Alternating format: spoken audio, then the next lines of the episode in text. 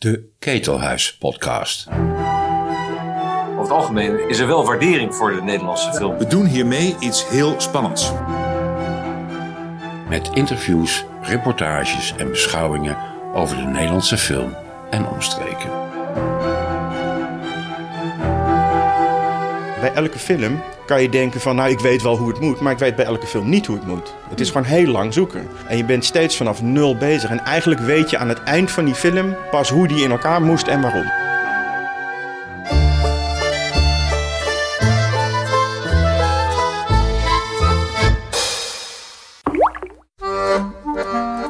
Welkom bij de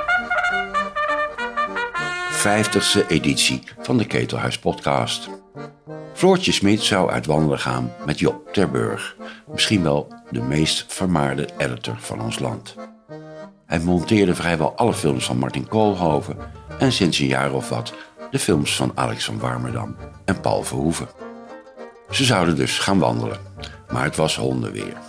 En dus zochten ze een plekje in het Amsterdamse filmpaleis Tuschinski. Luister naar Floortje Smit en Job Terburg.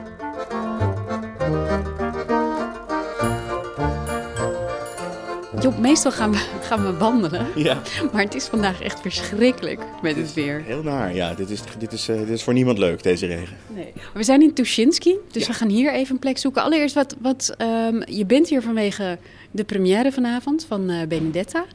Wat moet jij hier dan? Nou, het is, dit is de ochtend van de première en we hebben net even een stukje proef gedraaid. Dus even om zeker te weten dat het allemaal loopt. En met name even het volume uh, gedubbelcheckt om te kijken of dat allemaal goed is. Dus dat, uh, dat hebben we vanmorgen even in een uurtje gedaan. En nu aansluitend gaan wij even praten. Waarom doe jij dat? Nou, dat doe ik meestal.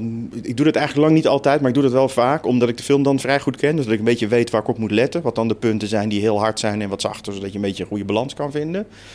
Uh, en ja, de meeste regisseurs vertrouwen mij daar dan wel in. En die hebben heel vaak op de dag van zo'n proberen absoluut geen tijd om ook nog te gaan proefdraaien. Ja. Je zei net, ik heb, um, ik heb even rondgevraagd. We mogen hier ergens gaan zitten. We ja. hadden opties.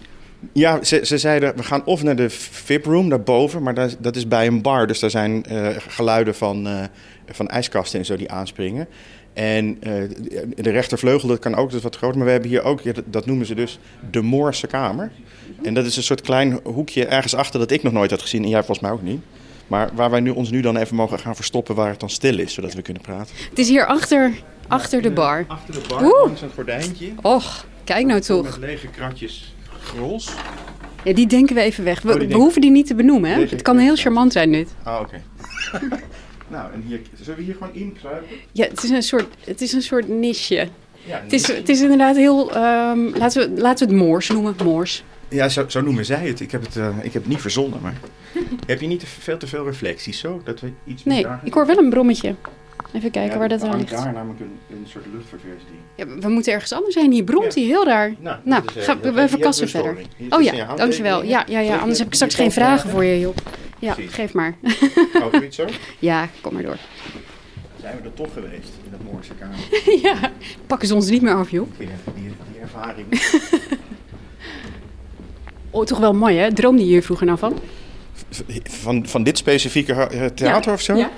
Nee, dat geloof ik toch niet. Ik geloof dat, dat, ik, dat ik nooit zo bezig was met alles om die zaal heen. Toch meer met wat je op het scherm ziet. Dat fascineerde me denk ik meer dan het theater eromheen, geloof ik, ja. Wanneer begon dat eigenlijk? Poeh. Nou, ik denk dat dat toch de films zijn geweest die ik zag toen ik een jaar of... Uh, nou, we hier gaan zitten? Ja de films die ik zag toen ik een jaar of dertien was of zoiets, denk ik dan. Um, of, of, vlak daarvoor, ik denk dat het E.T. is geweest. Back to the Future. Um, the Neverending Story, dat soort films. Dat waren films waarvan ik wel dacht van... Uh, dat waren echt verhalen waar ik wat in, in werd gezogen. En dat, dat sprak me wel enorm aan. Daardoor dacht ik wel dat, dat, dat, dat maakte me eigenlijk heel gefascineerd met film. En ik vond het natuurlijk leuk. Daar speelden kinderen in. Toen dacht ik van, oh, dat zou ik misschien ook wel willen, erin spelen. Mm. Heb ik ook nog wel eens een tijdje gedacht. Maar dat ging op een gegeven moment wel voorbij, het zelf willen spelen. Maar het idee dat je het dan kon maken, dat was ook wel heel... Dat, dat, maar dat kwam later eigenlijk hoor. Dat kwam pas, ik denk rond mijn 17 of zo. Dat ik dacht, En ja, je kan natuurlijk ook gewoon films maken. Dat is ook een, dat is een optie. ja. Maar waarom, dan, dan word je toch eerder regisseur, zou je zeggen? ja, dat heb ik. Pardon, dat heb ik wel eens gedacht. Maar ik, ik was zelf altijd al heel erg bezig met muziek. eh, met monteren op ouderwetse tape. En mixen met platenspelers en zo. En wat ik eigenlijk heel leuk vond, was to- toen ik mijn eerste lessen in filmmaken nam. Toen was ik denk ik toch al wel 18 of 19. Ehm, toen lieten ze ons zien hoe dat dan werkte, hoe dan een film gemonteerd werd. Op video dan weliswaar. Toen dacht ik, dat is alles wat ik leuk vind aan wat ik al met muziek en geluid doe. Maar dan ook nog met beeld. En dan heeft het te maken met, met eh scènes spelen. Met gewoon de, de, de, eh, met wereldjes bouwen, met, met doen alsof, zeg maar. En toen ik dat zag, dacht ik, dit is voor mij. Dit is, dit is het gewoon helemaal. Wat interessant, want het is, een, het is natuurlijk eigenlijk... ehm, een goede montage zie je niet. Dus eigenlijk zou je zeggen, het is een heel onzichtbaar beroep. Ja, dus ik vond het werk gewoon ook heel leuk. Dus ik zeg maar, het, het idee van wat je daar doet, dat vond ik gewoon heel fascinerend. En ja, het is, het is niet helemaal zo dat je het niet ziet, maar ik denk dat het voor de meeste mensen inderdaad zeer onopvallend is. Het is niet de meest voor de hand liggende, eh, het meest voor de hand liggende aspect.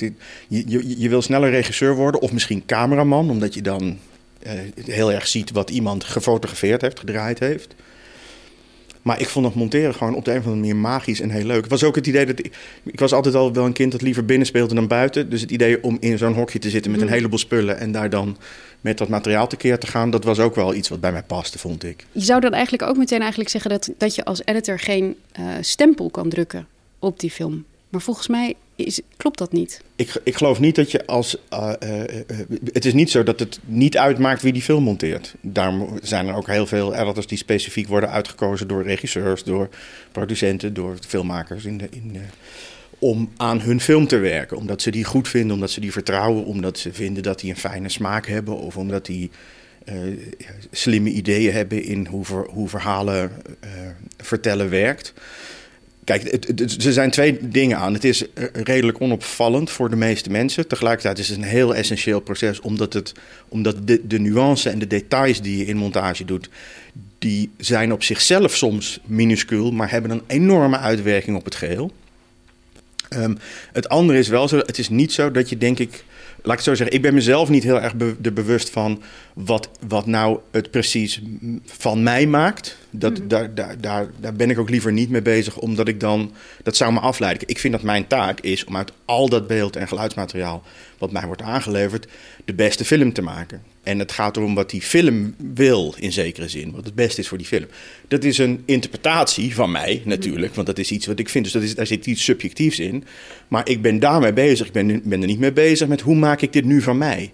Maar goed, dat geldt in principe natuurlijk voor een schilder ook. Ik bedoel, een schilder begint ook niet een schilderij... met dat hij denkt, hoe maak ik nou van deze zonnebloem een echte Van Gogh? Die maakt gewoon iets wat hij voor zich ziet. En dat wordt dan vanzelf van hem. En dan vind ik het eigenlijk aan anderen... Eh, om dan te zeggen, eh, en dat, soms doen mensen dat ook wel eens, om de anderen te zeggen: Ja, ik, ik zag dat ergens aan dat jij dat gedaan had, of dat die dat gedaan had. Maar wat zijn dat dan? Wat, wat zeggen mensen dan over jouw werk? Nou, ik, ik vraag daar nooit op door. Ik wil het nooit precies weten. Want ik wil me er zelf helemaal niet bewust van zijn. Want dan zou het mij in de weg kunnen gaan zitten.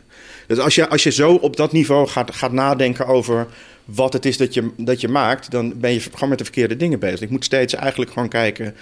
eh, want, want misschien. Dat is ook de grap eigenlijk. Bij elke film kan je denken van, nou, ik weet wel hoe het moet, maar ik weet bij elke film niet hoe het moet. Het is gewoon heel lang zoeken. En je bent steeds vanaf nul bezig. En eigenlijk weet je aan het eind van die film pas hoe die in elkaar moest en waarom. En al het, hele proces daarvoor is tot dat punt komen. En zeker weten dat het, dat het goed zit. En, en wat je daarna weet, is hoe je die film hebt, hebt moeten doen. En bij de volgende film moet je eigenlijk gewoon weer opnieuw beginnen. Als ik dan vast zou zitten aan dingetjes die ik eh, leuk vind om te doen... op een bepaalde manier een sequentie maken, op een bepaalde manier een overgang... eh, Dat, dat, dat, dat zou me dan in de weg zitten. Dan ga ik daarmee bezig zijn in plaats van met wat die film moet zijn. Het is bijna een filosofisch ding. Is het inderdaad zo dat het, al het materiaal alleen maar tot één film kan leiden? Volgens jou, die film, die ene essentiële film die erin zit? Of zijn er meerdere films? Is het redeneren achteraf? Nee, ik denk dat, je, dat, je, dat er heel veel films uit dat materiaal te maken zijn. ik denk zelfs dat het afhankelijk is van het moment. Ik denk dat als ik morgen die film opnieuw zou maken, beginnen met maken, want ik maak hem niet in een dag. Maar als ik morgen opnieuw zou beginnen, met dezelfde regisseur, maar in een ander tijdsgevricht, bij wijze van spreken, denk ik altijd dat het een iets andere film oplevert. Omdat je nooit. Het, het is, er is toch iets aan het moment en aan wat er ontstaat, dat, dan, eh, dat je bepaalde afslagen neemt. Ik denk wel dat er iets fundamenteels, dat er ook een fundamenteel element aan zit. Ik denk dat zeg maar in de vertelling, in de, in de constructie van de vertelling, daarvan denk ik toch in principe, als de film goed is, dan heb je, heb je daar het op, de optimale constructie uitgehaald. En dat is dan denk ik een constructie waar andere mensen ook toe zouden zijn gekomen met voldoende tijd en talent. Jij, je werkt met een. Uh, je werkt met hele interessant, de interessantste filmmakers van Nederland, denk ik, op dit moment. Hè. Je hebt uh, net uh, Benedette gedaan met, met Paul Verhoeven. Je hebt net de nieuwe film van Alex van Warmerdam gedaan, nummer 10. Je werkt veel met Martin Koolhoven. Laat ik die vraag anders stellen. Wat zien zij in jou? Waarom word jij de hele tijd door deze mensen gebeld? Weet je dat? Nou, ik denk dat, je dat jij ze dat zou, zelf zou moeten vragen. Maar als ik een inschatting moet doen, dan denk ik dat ze mij vertrouwen op, uh, op, op hoe ik nadenk over verhalen vertellen. Dat ik uh, een, een analyse heb van hun materiaal waar, die, die klikt met wat zij van plan waren. En dat wil niet zeggen dat ik altijd precies doe wat zij dachten, want dat is helemaal niet zo. Sterker nog, dat het juist leuk is dat ik soms met dingen kom waar ze niet aan hebben gedacht, die dan toch heel goed blijken te werken. En voor, ik, ik weet bijvoorbeeld van Martin dat het voor hem ook een kwestie is van vertrouwen. Voor regisseurs is het best eng. Die maken iets, die hebben jarenlang iets in hun hoofd. Dan draaien ze het en dan ligt dat wat ze gedraaid hebben vast. Daar doe je niks meer aan. Daar kan je heel zenuwachtig van worden. Want tot die tijd kun je van alles nog iets zeggen, iets veranderen. In theorie dan in elk geval. Hè. Je kan van alles kun je nog aan, aanschaven. En op een gegeven moment heb je dat shot en die opname en die take en dat moment. En dat is het dan. En wat je dan nog kunt doen, is daar die verschillende takes, de, de, de manier waarop je het construeert, om daaraan te gaan schaven. Maar dat is een, een heel delicaat iets. En het is ook heel een regisseur als Martin vindt het ook best wel eng om andere mensen te laten zien wat hij dan gedraaid heeft. Dat is ook heel confronterend. Een regisseur ziet vaak namelijk, op het moment dat hij dat ruwe materiaal ziet, alleen maar alles waarvan hij later dacht: oh nee, dat heb ik verkeerd mhm. gedaan. Of dat, ja, daar was ik toch net niet blij mee, maar toen had ik geen tijd meer om het zo te doen. Of oh ja, dat hebben we opgelost omdat we daar niet uh, achter die deur terecht konden. En toen heb ik het om moeten schrijven. En dan, die zit met allemaal ideeën in zijn hoofd, met een soort ballast. Die heb ik niet, dus ik kijk daar ook heel fris tegenaan. En ik denk dat ze het fijn vinden dat de manier waarop ik naar dat materiaal kijk en hoe ik daar dan mee omga en wat ik ze dan presenteer. Dat ze dat fijn vinden. Maar uh, vraag het ze vooral zelf, want ik heb het er nooit zo expliciet over. Nee. Je bent ook een soort, ik, dacht, ik zat daar inderdaad zo ook over na te denken. Je bent ook een soort psycholoog. Je moet die arme mensen ook vertellen dat ze het wel hebben. Ja, zeker. Nee, dat is, dat is een. een uh, je, je bent in zekere zin een, een soort psychologische sparringpartner van een, van een regisseur. Ehm, zeker in die eerste fase, maar eigenlijk door het hele ding heen. En ook in het proces. Want het, het, het, is niet alleen maar wat die regisseur en ik ergens van vinden of waar wij komen. Op een gegeven moment gaat een producent daar dingen over zeggen. Uh, en met, met ideeën of suggesties komen. Of, of dingen aankaarten die hij niet goed vindt. Of die hij anders voor zich ziet. Of, nou, dan krijg je allerlei discussies. Dat hele proces is eigenlijk steeds een soort zoeken waarbij ik het idee heb dat je als editor vooral een bewaker van de, van de film wil zijn.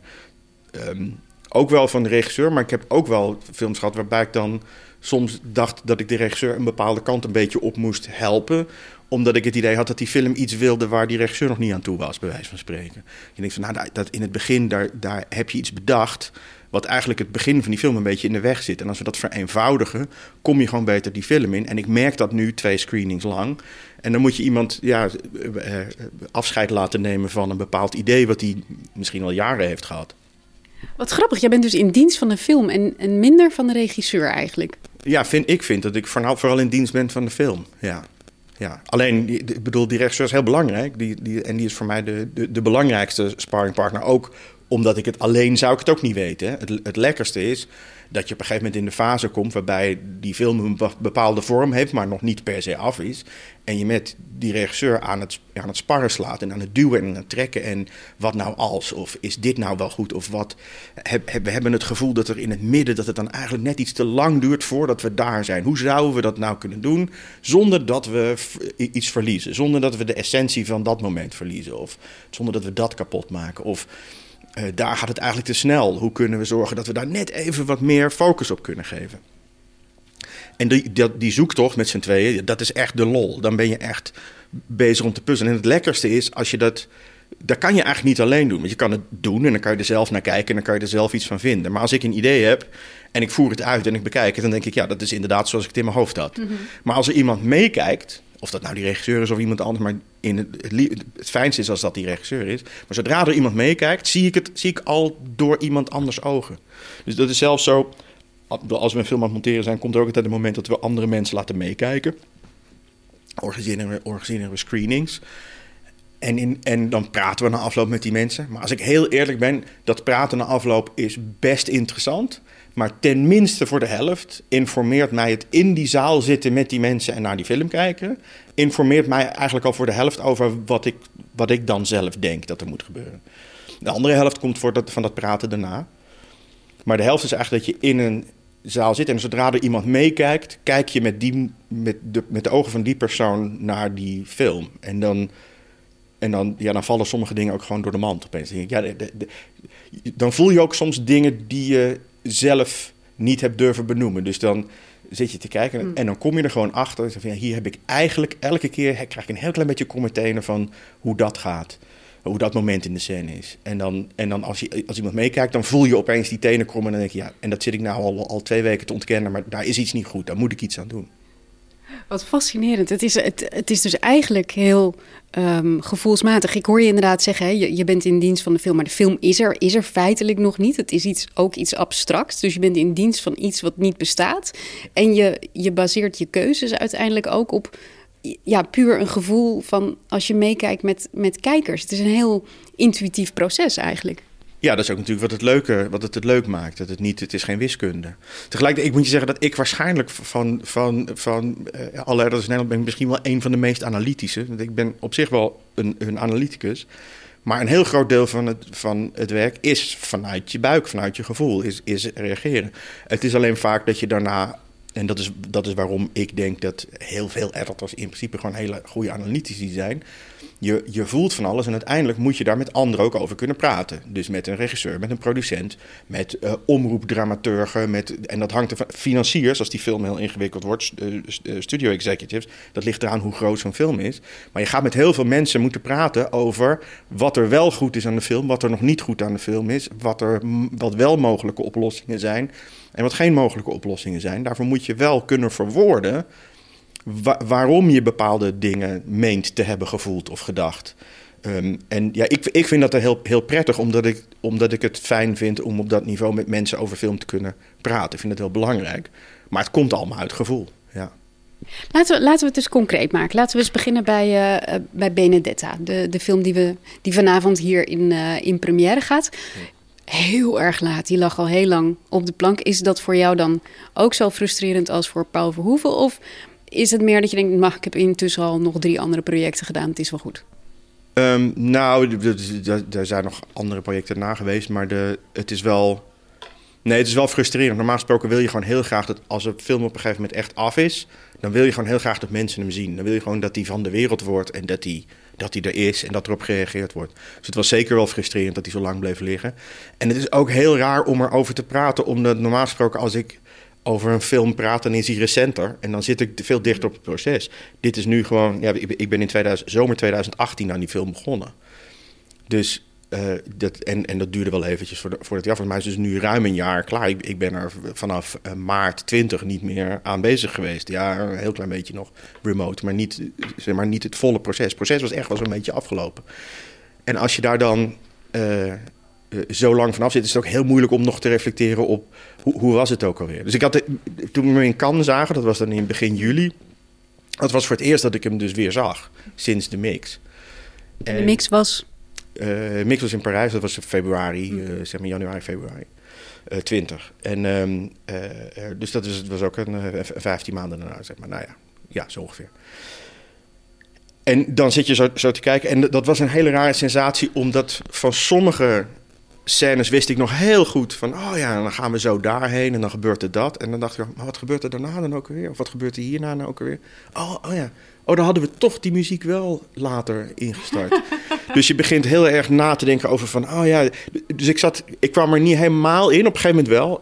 Maar toen kon ik ook gewoon voelen hoe de zaal reageerde en dat was goed, dus dat was heel fijn. Dan ging ik daar maar een beetje in hangen. Maar zeg maar zelf de film helemaal sec kijken lukte me helemaal niet. Vind ik op première sowieso wel lastig hoor. Maar in dit geval was het heel dubbel. Omdat ik voor een deel kon ik, wist ik het nog heel goed. En voor een deel was het nieuw. En verraste het me ook. Dus dat was een rare sensatie. Ja. Maar laten we, laten we even naar dat, want voor zover je dit allemaal nog kan reconstrueren natuurlijk, even naar het begin van het proces gaan. Ehm, je weet dat je met Paul Verhoeven gaat werken. Dat weet je waarschijnlijk al voordat hij gaat draaien, vermoed ik. Je knikt ja. Um, krijg jij dan op een gegeven moment gewoon een hele bulk aan beeld van hem? Overleg je eerder? Hoe gaat zoiets? Nou, in de meeste gevallen uh, uh, lees ik dat script al wel geruime tijd voordat ze gaan draaien. En hebben we daar nog wel eens een keer een gesprek over. Maar het gaat dan heel vaak, dat gaat niet zo, zozeer concreet over het monteren. Dat gaat dan soms over vragen als, uh, ja, zijn er nog dingen waarvan jij nu al ziet van, uh, die zijn eigenlijk een beetje overbodig of die kunnen korter of weet ik wat. Vaak omdat ze dan uh, aan het proberen zijn om er nog een draaidagje minder van te kunnen maken, omdat het gewoon te duur wordt of zo. Dat is in dit geval trouwens niet aan de hand hoor, dat is bij andere films wel. Maar goed, ik lees dat script en dan hebben we het er wel eens over. Maar eigenlijk begint het pas op het moment dat ze echt gaan draaien. En in feite, zeg maar, op een gegeven moment op een maandag gingen zij draaien. En op een dinsdagochtend krijg ik dan het beeldmateriaal dat ze die eerste dag hebben gedraaid. En daar ga ik gewoon mee aan de slag. En zo blijf ik eigenlijk achter het draaien aan monteren. En in die tussentijd heb ik niet zo heel veel contact uh, met Paul over de film. Wel af en toe. Uh, maar hij ziet bijna niks van wat ik doe. Op een paar scènes na. Dus een enkele keer komt er een scène voorbij waar die dan zegt van nou dit, uh, uh, hier wil ik van tevoren gewoon even met je over praten. Ik wil even met je naar het materiaal kijken en wil ik even uitleggen wat ik bedoeld heb. Want ik heb daar een paar dingen gedaan omdat ik dacht dat het misschien ergens te lang zou worden. Of omdat het, dat er iets ingewikkelds in zit.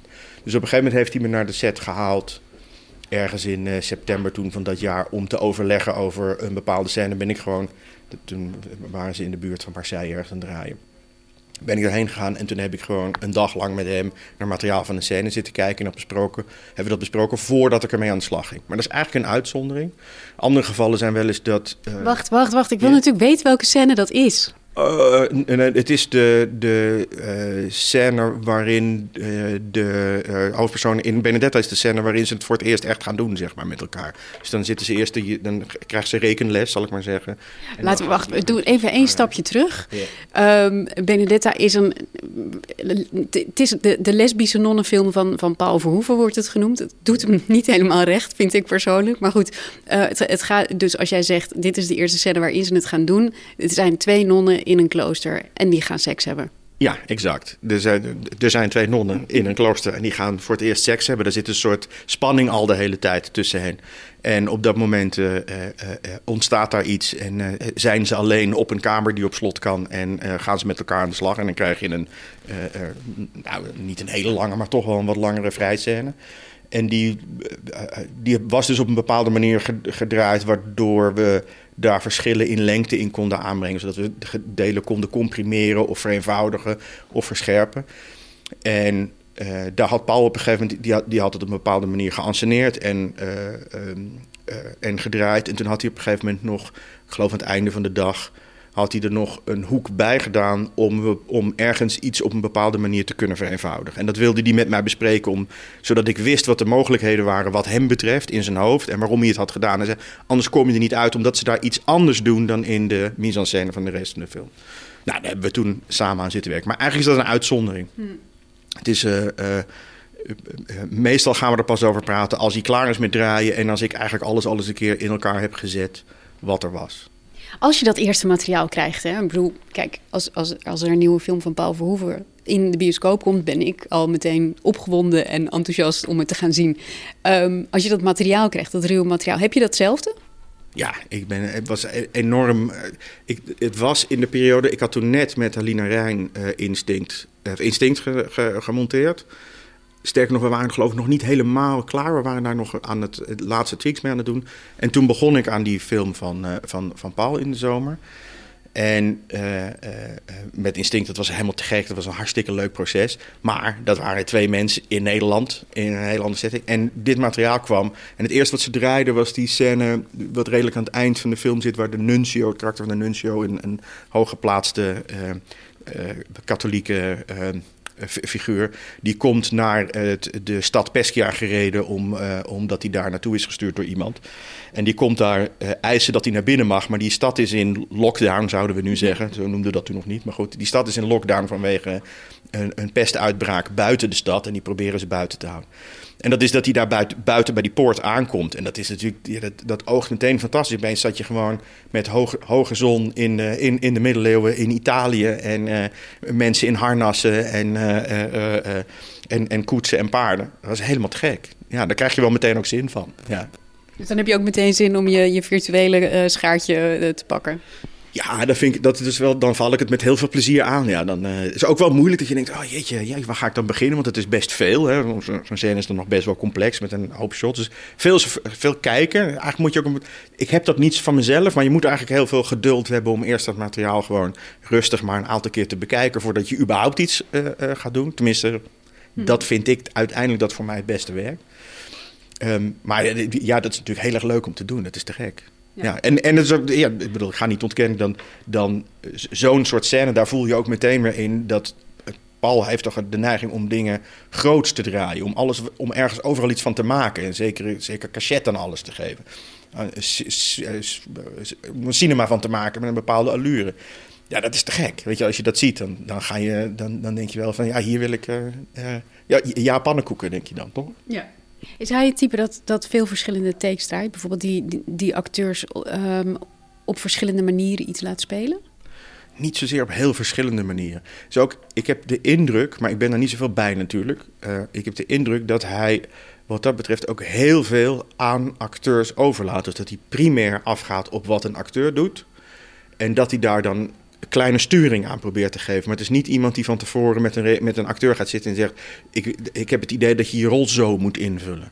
Hij, hij, en eerlijk gezegd heb ik zelfs het idee dat hij dat ook met, eh, met cameramensen en production designers en zo doet.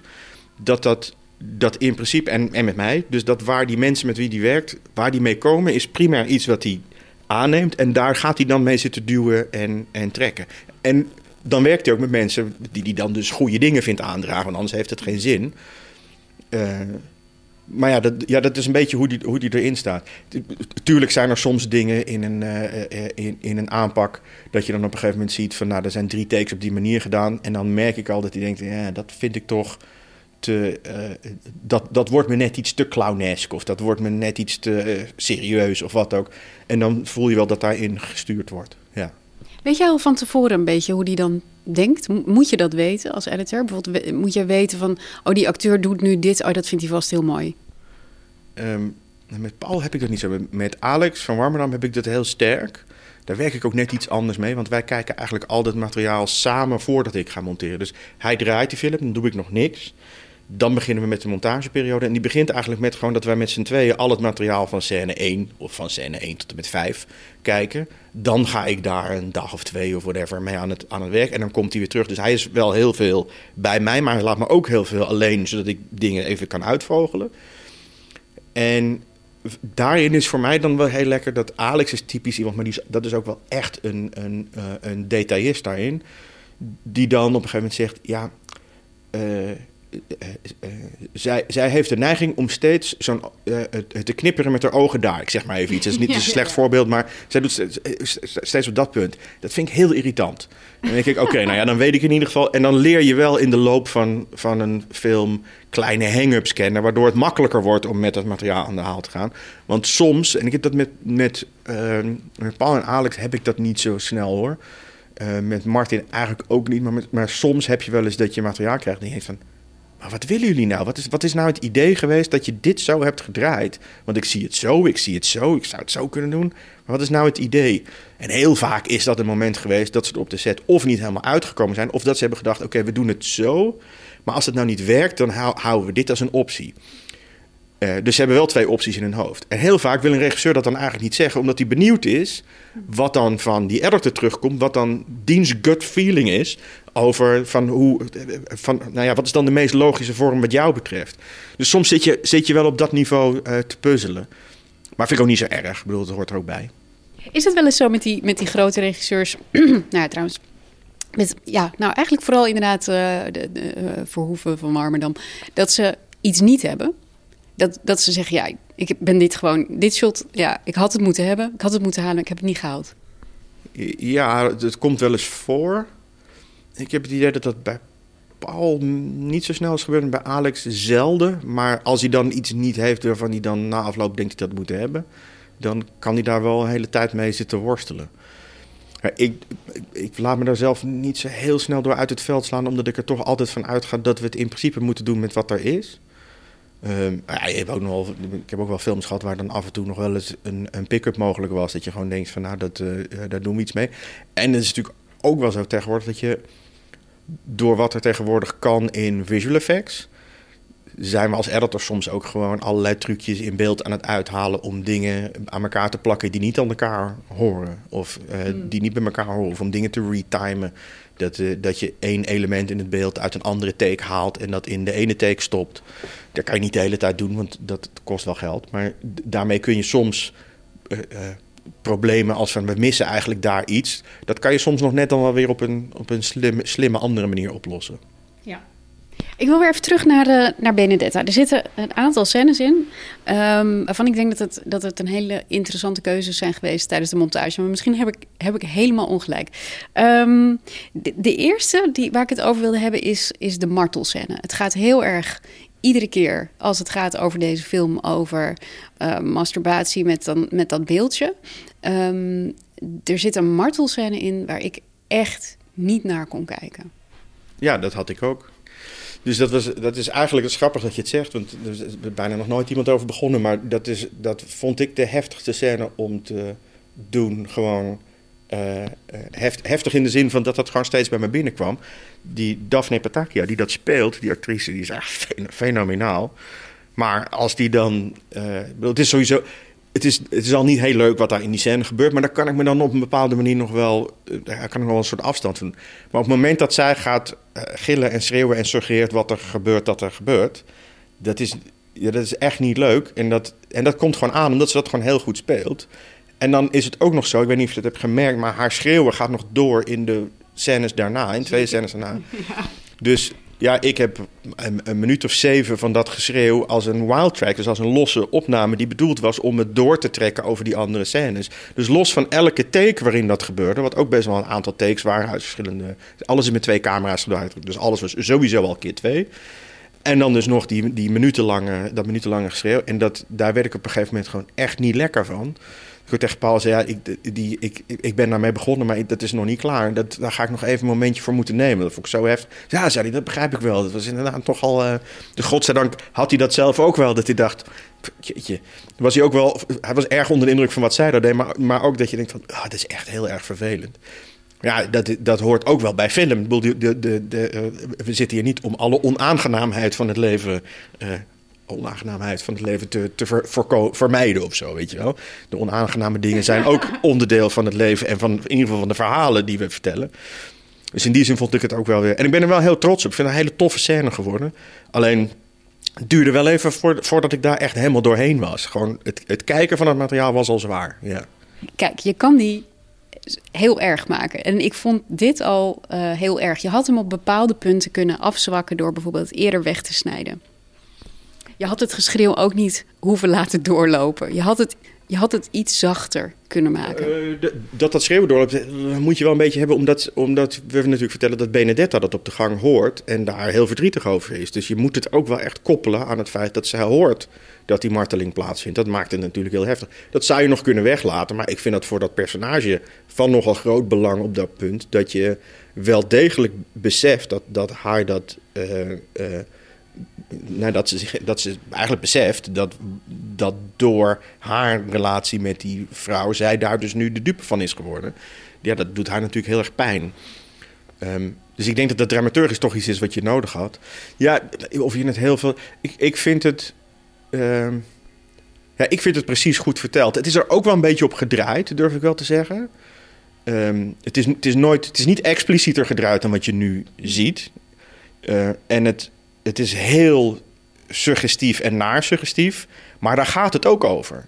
Dus ik, ja, dat vind ik dan ook niet gerechtvaardigd om daar tegen in te gaan eh, werken of zo. Om het dan eh, makkelijk te maken. Of, of, of eh, ja, daar zwak je, het, zwak je ook het effect van, van wat het echt betekent in de vertelling. Zwak je daarmee af, heb ik het idee. Wat, wat is nou zelf een scène waarvan jij zegt van dat, dat, was, dat is interessant om over te hebben bij, bij Benedetta? Wat, wat ik dan misschien niet gezien heb. Denk dat. eh, er zijn eigenlijk twee dingen. Het eerste is dat wat je niet gezien hebt, dat is dat het begin eigenlijk langer was. Dus voordat we. eh, eh, dus de, de film begint met de jonge Benedetta. Dat is ook een andere actrice. En dan op een gegeven moment kom je met een titelkaart die zegt 18 jaar later. En dan komen we bij Benedetta gespeeld door Virginie Efira. En dat gedeelte totdat, we, totdat ze 18 jaar later dan daar is, dat was eigenlijk wat langer. En, ehm, en dat, dus daar, is, daar zijn heel veel kleine tweaks in gedaan om daar scènes korter te maken en te vereenvoudigen. Waardoor de flow van dat begin tot aan die 18 jaar later eigenlijk een, een flow is die er nooit. Dat heeft best, best even geduurd voordat we die eh, te pakken hadden. En dan zijn we ook wel eens een keer te ver heen gegaan. Dus het is ook wel eens te kort geweest. We dachten, ja, nu is het niks meer. En we zelfs overwogen om het helemaal weg te laten. En dan, dat was ook niet heel fijn. Eh, en het andere is dat de, de, maar dat is ook een beetje een spoiler, maar op een gegeven moment dan wordt eh, Benedetta ver- veroordeeld, of ze dreigt veroordeeld te gaan worden eigenlijk. En dan eh, wordt ze als een soort eh, Jeanne d'Arc op een kar het, het stadsplein opgereden. Dat is met een hele bende figuranten gedaan. Dat was met die, met die koets. En dat, dat was best ingewikkeld. En dat is allemaal met vier of vijf camera's gedraaid. Een deel met vier, een deel met vijf. En daar was zoveel materiaal dat toen ik dat zag, dacht ik, waar moet ik in vredesnaam beginnen? Dat was, eh, eh, was echt een enorme puzzel. En daar, daar ben ik wel echt heel lang mee bezig geweest om, daarvan, om daar te- tot een soort beslissing te komen. Dus wat ik heb gedaan, ik heb het eigenlijk gedaan als wat je bij een documentaire soms ook doet, is dat je gewoon allemaal interessante stukken bij elkaar gaat zetten. Dus, dus dan, ja, dan heb je misschien drie keer dat ze, dat ze daar naar buiten komt, maar dan de drie beste keren in elk geval, van de drie meest interessante hoeken. Nou, dan heb je veel te veel en dan ga je daar weer een beetje in indi- indikken. Net zolang dat je denkt, ja, dat is toch het meest interessant om dan daar te beginnen en dan daar weer naar dat wij te gaan. Want dan komt hij, dan komt die, die, die nuncio van die trap af. En dat is dan eigenlijk wel een heel mooi moment. Als ik dat dan vanuit die hoek, dan wil ik daarvoor eigenlijk nog die close-up van dat ze omdraait. Nou, en zo ga je dan puzzelen. En, en ik, daar ben ik gewoon heel trots op dat dat gelukt is. Omdat dat echt een hele lastige scène was om te doen. Hoe, hoe lang doe je daarover, over zo'n scène? Nou, ik denk dat ze die gedraaid hebben in vier dagen of zo. En ik denk dat ik er alles in elkaar wel een dag of zes over heb gedaan om hem te monteren.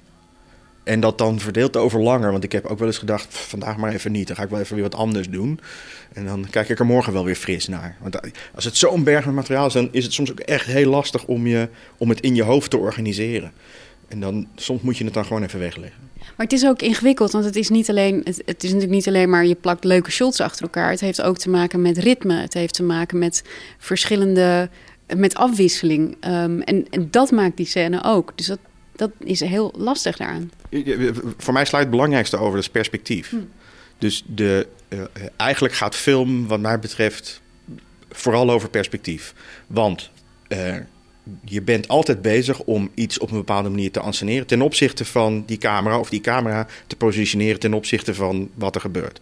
Doordat je die camera ergens neerzet, zeg je gewoon letterlijk tegen je publiek. Je pakt het publiek gewoon echt letterlijk bij hun hoofd. Plaats dat ergens in de scène en zeg je moet, zo moet je hier naar kijken. Echt ook letterlijk, dus op deze manier moet je dit meemaken. En als je die camera er op deze manier, op, manier X opzet, heeft een heel ander effect dan als, als je hem op manier Y opzet. Dus we, en, en door van shot naar shot te gaan, ver- verplaatsen wij eigenlijk steeds de manier waarop jij als toeschouwer kijkt naar wat er gebeurt.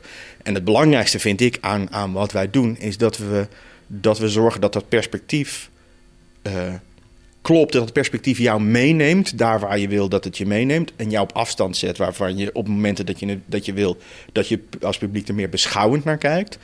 En die, die afwisseling en dat spel, waardoor je meegaat op de momenten dat je mee moet gaan. En beschouwt op de momenten, dat, dat je moet beschouwen. En alles daartussenin, ik maak het nu wat eenvoudig. Dat is waar, waar het volgens mij de hele tijd over gaat. Waar volgens mij zelfs film over gaat.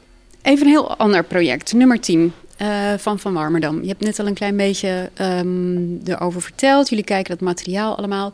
Um, het is een film eigenlijk waarvan wordt gezegd, of waarvan hij uh, Alex van Warmerdam zelf zegt: het zijn twee films in één. Er zit een omslag in. Dat lijkt me ingewikkeld voor een editor. Ja, dat was ook ingewikkeld. En toen ik script las, dacht ik ook: ja, gaat dat, gaat dat dan wel lukken? Maar Alex zei: ja, volgens mij is dat juist leuk. En toen dacht ik: ja, dan gaan we dat, dan gaan we dat omarmen. En dan gaan we daarvoor. En de, de, het, rare is ook, uh, zonder het te willen spoilen, maar in wat er gebeurde toen ze die film aan het financieren waren is dat heel veel van de financiers dachten: ja, dat tweede gedeelte, dat zit allemaal wel goed. Dat eerste gedeelte, dat weten we niet helemaal zeker of dat niet te lang is. En dat eerste gedeelte was wel iets te lang uiteindelijk in, de, in onze eerste montageversie. Maar daar hebben we uiteindelijk het minste aan hoeven doen, omdat het gewoon heel geestig is. En omdat het op zichzelf, binnen wat het is, gewoon eigenlijk wel redelijk goed zijn plek vond. En dat tweede deel, waarvan iedereen dus in de financieringsfase had gezegd... nou, dat, is, uh, dat vinden we eigenlijk veel interessanter. Veel moeizamer en veel ingewikkelder. Vooral het begin daarvan trouwens. En, um, uh, en daar hebben we eigenlijk ook het meest aan zitten sleutelen nog. Dat is ook het grappige, dat je dat dus ook niet van tevoren weet. Dus het is, ik bedoel, ik, ik kan een script lezen en heb ik van alles in mijn hoofd... Maar ik weet echt nog niet hoe die film in elkaar gaat vallen. totdat ik dat materiaal allemaal bij elkaar heb. En het, en het wordt. Ja, je kan het bekijken als een film. Dan, dan zie je gewoon dingen die niet op papier staan. Dat, dat is zo. En dan moet je dan. Daar moet je dan weer op reageren. Op alles wat. Er staat van alles in een script. Maar er gebeurt op een set en, en voor een camera van alles. Wat niet in dat script staat. Of wat een bepaalde kleur geeft. Een bepaalde toon aan. Aan wat er op, de, op het papier stond. Dus het, het, het, het verandert constant. Het is volgens mij in deze film bijna bij, bij alle personages zo dat je eigenlijk niet weet of ze belangrijk zijn uh, gedurende nou, drie kwartier. Ja, we spelen daar ook mee. Want die film begint natuurlijk ook met. In de eerste paar minuten denk je volgens mij dat, uh, uh, dat Marius de hoofdrol is. Dus door Pierre Bokma wordt gespeeld. En daarmee gaan we die film in feite in. En dan verschuift het langzaam naar, uh, naar Gunther. En dat is een beetje de. wij zijn natuurlijk in die film stiekem ook een beetje aan het liegen steeds. Dus, want iedereen liegt tegen elkaar in die film. Niks is wat het echt lijkt. Uh, en, en iedereen speelt iets en, en doet zich anders voor. Uh, en ja, dat, dat spelletje spelen de makers ook met het publiek. Feitelijk hoort dat natuurlijk niet. Het hoort feitelijk niet te kunnen, toch? Als je, als je gaat monteren. Dan zeggen ze volgens de regels kan je niet zomaar een beetje zo van hoofdpersoon gaan wisselen. Nou, dat was ook echt wel lastig om dat dan. Uh, om, om daar de vorm van te vinden. Daar hebben we best wel een beetje aan zitten polijsten. Om, om te zorgen dat dat wel op een bepaalde natuurlijke manier ging, waardoor je daar intrapt. Ik heb het idee dat je er nu intrapt, dat je er nu in meegaat, wil ik daarmee zeggen. En uh, dat, dat, daar hebben we best wel lang aan zitten, uh, zitten tweaken aan, aan hoe lang je dat dan kunt, kunt hebben en hoe snel je dan op bepaalde punten in de film bent. Het is echt, het is een van de van Alex films waar we het meeste aan hebben zitten tweaken in in zijn totaliteit. Ik denk dat onze eerste versie was volgens mij echt wel bijna vier uur of zo. En hij is nu 100 minuten, denk ik. Dus dat is, uh, maakt nogal een verschil. Waar haal je nou, als je, hè, uh, wat voor soort scènes haal je nou de meeste bevrediging uit? Wanneer denk je, hè, lekker, daar ga ik eens even lekker mijn tanden in zetten? Uh, jeetje. Nou, ik heb dat eigenlijk wel bij, bij alles. Ook omdat ik steeds denk, het moet, dit moet gewoon hartstikke goed. En soms is dat lastiger en soms kom je er niet helemaal achter waarom het nog niet goed is. Maar het is, ja, je vraagt een beetje van wat zijn je favoriete scènes om te doen, maar dat heb ik eigenlijk niet. Want dat is, dat is ook.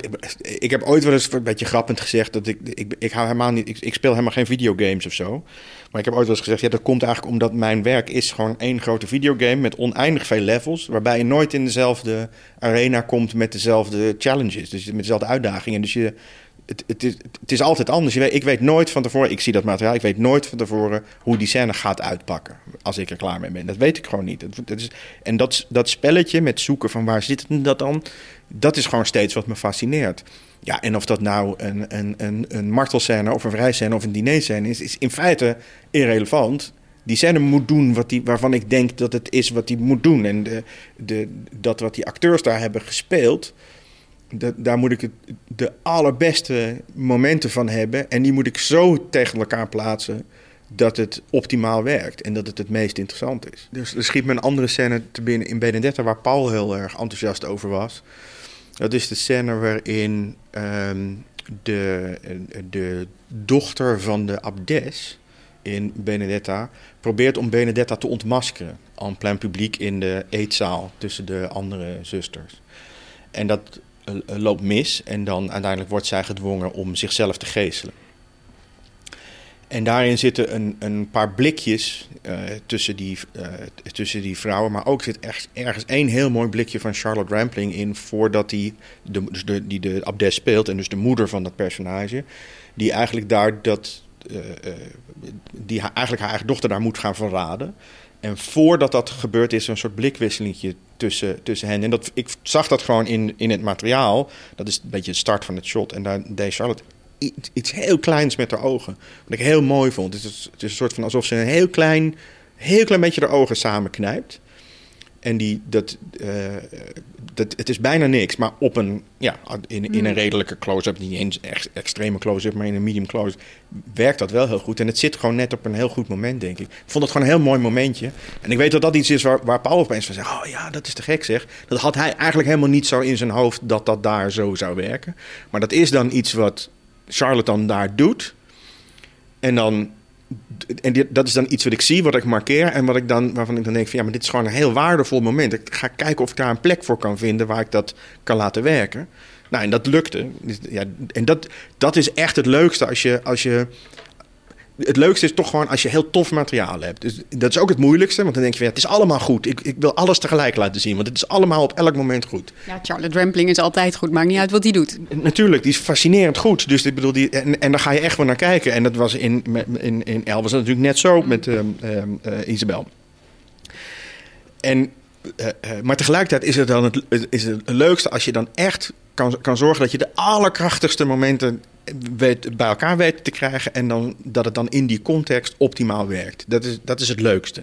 Wat ik ook grappig vind is, um, kijk, je, het is natuurlijk een heel solitair beroep eigenlijk. Daar hadden we het net al over. Je zit heel veel in je eentje, maar je zit ook echt heel veel met regisseurs naast je. Um, ik ken die montagehokken, dat, die zijn klein en krap vaak. Um, nou ja, misschien niet die van jou. Valt wel mee. Ja, valt wel mee gelukkig. Maar je zit wel op elkaars lippen en het zijn lange dagen. en het zijn allemaal heel verschillende mensen toch. Dus je hebt iedere keer een hele intensieve periode waarin je bijna in iemands hoofd kruipt, in zijn gedachten gaat. Hoe, hoe is dat? En is dat makkelijk schakelen van de ene regisseur naar de andere? Ik weet niet of dat makkelijk schakelen is. Um, nou, ik vind dat ook gewoon een heel leuk proces om dat aan te gaan uh, uh, met iemand. En ik heb daar ook eigenlijk voornamelijk leuke ervaringen mee. Het is ook wel eens misgegaan, maar niet zo, niet zo heel vaak. Eigenlijk maar één keer. Um, ik vind het lastig om, om er iets... Wat natuurlijk heel ingewikkeld is, is dat het is een heel persoonlijke werkrelatie die je hebt. Maar het is een, ook een werkrelatie. Dat, dat, dat is ontegenzeggelijk zo. Maar hij is ook zo close en zo intiem dat dat ook vanzelf een bepaalde persoonlijke component krijgt. En ik merk ook wel dat als we dan, als we aan het eind van een hele intensieve periode zitten, of als die film echt klaar is of zo. En dan heb je geen reden meer om elke dag contact te hebben, omdat het vanzelf gaat. Omdat je nog iets wil zeggen over dit visual effect of over dat stukje in de mix. Of nou ja, als de logische contactmomenten ophouden, dan merk je toch gewoon dat, dat, ik, dat we vaak ook nog wel elkaar blijven opzoeken, regisseur en editor omdat je dat gewoon een klein beetje langzaam moet afbouwen naar iets normalers. En, en met, met, de meeste werk heb ik daarbuiten ook echt nog wel gesprekken en ontmoetingen. De, met, sommigen sommige zijn echt bevriend en sommige zijn. Sommigen zijn echt mijn vrienden, dus met sommigen ben ik bevriend. En sommigen ja, zijn zeg maar bevriende collega's of zo. Het is heel lastig om daar onderscheid in te maken. Ik vind dat ook best wel moeilijk. En dat varieert ook nog wel door de tijd, denk ik. Maar iemand als Martin, Martin Koolhoven, jullie zijn samen begonnen ongeveer tegelijk op de, de filmacademie. Ja. Um, hoe hebben jullie, was het trouwens meteen dikke mik tussen jullie? Of? Best wel snel eigenlijk, ja. Vanaf zijn tweedejaars film heb ik zo'n beetje alles voor hem gedaan. Op een paar clips na of zo. En dat, ik, ik, ik kan niet zo goed uitleggen waarom dat was, maar wij, wij vonden elkaar daarin. hij vond tof wat ik deed. En ik, hij is natuurlijk, nee, dat kan iedereen nu zien, ontzettend bevlogen iemand. En dat was hij toen ook al. Die de hele dag over filmen aan het lullen was. En heel aanstekelijk. Dus iemand die, die, die iedereen enorm meenam. En een perfectionist. En hij, hij vond het nooit goed genoeg. Hij was ook altijd heel kritisch op zijn eigen werk. Ik heb ontzettend veel van hem geleerd en van werken met hem geleerd. Ehm, dus ja, dus zo, zo ging dat eigenlijk. En, en ik moet je heel erg zeggen dat ik dat zelfs op de filmacademie hadden wij een uitstekende werkrelatie. Maar ik geloof niet dat uh, wij elkaar uh, tot onze persoonlijke uh, vriendenkring nou per se direct rekenen. Het was niet zo dat wij de hele tijd met elkaar aan het, aan het hangen waren of zo. Eigenlijk daarna, toen we films gingen maken, is dat wat meer ontstaan. Is die vriendschap meer een vriendschap geworden. Ja. Maar is het makkelijker om, om te werken met een regisseur die dan een hele goede vriend is? Of, of is het eigenlijk moeilijker? het, is allebei natuurlijk. Dus het is het is makkelijker om te werken met iemand die je goed kent. Omdat je dan niet meer bij elkaar hoeft te onderzoeken hoe je, eh, hoe je werkt of hoe je over bepaalde dingen denkt. Dus de manier waarop je met elkaar kunt werken gaat veel sneller. Je hebt een half woord genoeg op een gegeven moment, zal ik maar even zeggen. Cliché, maar dat. Tegelijkertijd, als je elkaar echt heel goed kent, zoals Martin en ik, kan het op een gegeven moment ook een beetje in elkaar, bij elkaar in de weg gaan zitten. Dat je zowel uh, maatjes bent, als ook dat je gewoon een werkrelatie hebt waarbij hij de regisseur is en ik de editor. Waar, waar word jij zelf nou het, het gelukkigst van? Als je in je eentje een beetje zit te pielen of, of als er iemand naast je zit? Oeh, uh, ik geloof dat het leukste deel van het proces is als je met z'n tweeën zit. Als je gewoon samen aan het, uh, aan het werk bent. Dat is gewoon, dat is, in je eentje ben je toch heel vaak gewoon onzeker. Uh, aan het zoeken, aan het worstelen. Dat is interessant werk, maar is niet per se leuk. Ik bedoel, dat is gewoon, dat, dat is uh, het, het, dat is het, het, het grondwerk, hoe zeg je, de, de, de fundering leggen. Het is heel belangrijk, ook om dat materiaal je eigen te maken, zodat je weet wat er is, zodat je ook in de rest van de film weet wat er allemaal in die scène is. Wat je er, omdat je later misschien een probleem tegen kunt komen in de film, dat je met, zo'n, met een shot wat er helemaal niet voor bedacht is, kunt oplossen. Dus je moet heel veel in je hoofd stoppen. Maar het, de, de de echt leuke creativiteit ontstaat op het moment dat je met iemand aan het sparren bent. Dat is echt het leukst. Ben je eigenlijk, als je met, met deze mensen werkt, niet ook gewoon verwend? Kan je, kan je nog gewoon ingehuurd worden voor een romantische komedie? Eh, ja, als het een interessant script is met een interessante maker, waarom niet? Ja. Nee, maar ik ben natuurlijk hartstikke verwend. Ik bedoel, ik, ik heb met hele uh, uh, te gekke regisseurs gewerkt. Uh, en, en daar ben ik, ben, ik, ben ik me zeer van bewust dat ik daar in een, in, een, in een nogal luxe positie zit. Absoluut, nee. Ja, ik bedoel meer, je kan, je kan nooit meer terug natuurlijk. Het, het... Ja, jeetje, dat je me nou die vraag stelt. nou, het is best lastig. Kijk, als je op een gegeven moment met de films die ik heb gedaan in de afgelopen twintig jaar uh, wordt zeg maar elk nieuw project wat langskomt, daarvan van denk je van ja, is dat nou nog een leuke aanvulling op wat ik al gedaan heb? Tuurlijk, dat is, het, is, het is in die zin soms wel lastig om dingen te vinden waar ik dan echt warm van loop. Dat, is best, dat kan best lastig zijn. Um, maar ik geloof dat dat uiteindelijk toch ook wel weer gaat lukken. En bovendien, er zijn, weet je, je weet ook nooit wat het precies is aan een film waar je op een gegeven moment voor valt. Hè? Dus ik bedoel, kijk, als Paul met een nieuwe film komt, dan ga ik die gewoon doen. Dan hoef ik bij wijze van spreken niet eens te lezen. Natuurlijk doe ik dat, maar het hoeft niet eens. Dat ga ik al doen. Martin, idem dito.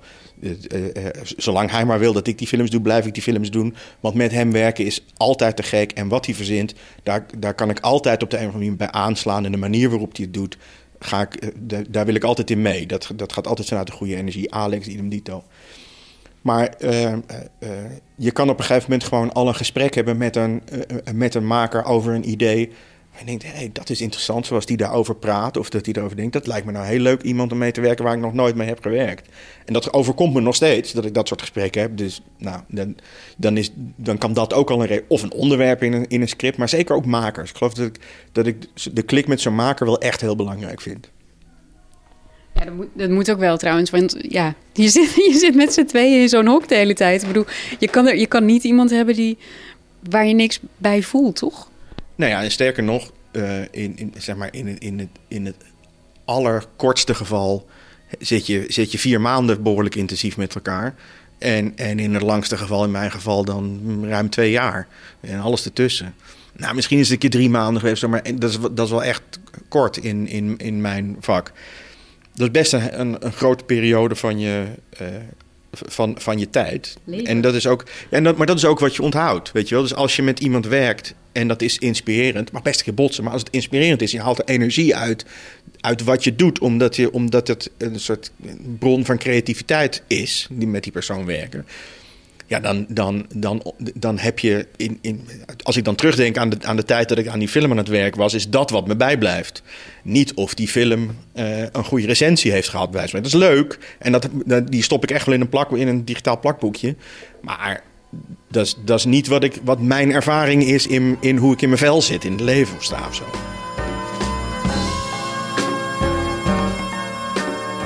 Tot zover deze Ketelhuis podcast. Je vindt de Ketelhuis podcast in je favoriete podcast app en natuurlijk op onze website ketelhuis.nl/slash podcast. Abonneer je vooral zodat je geen enkele aflevering mist en leuk als je een reactie achterlaat. Hou ons in de gaten, we zijn snel weer terug met een nieuwe podcast.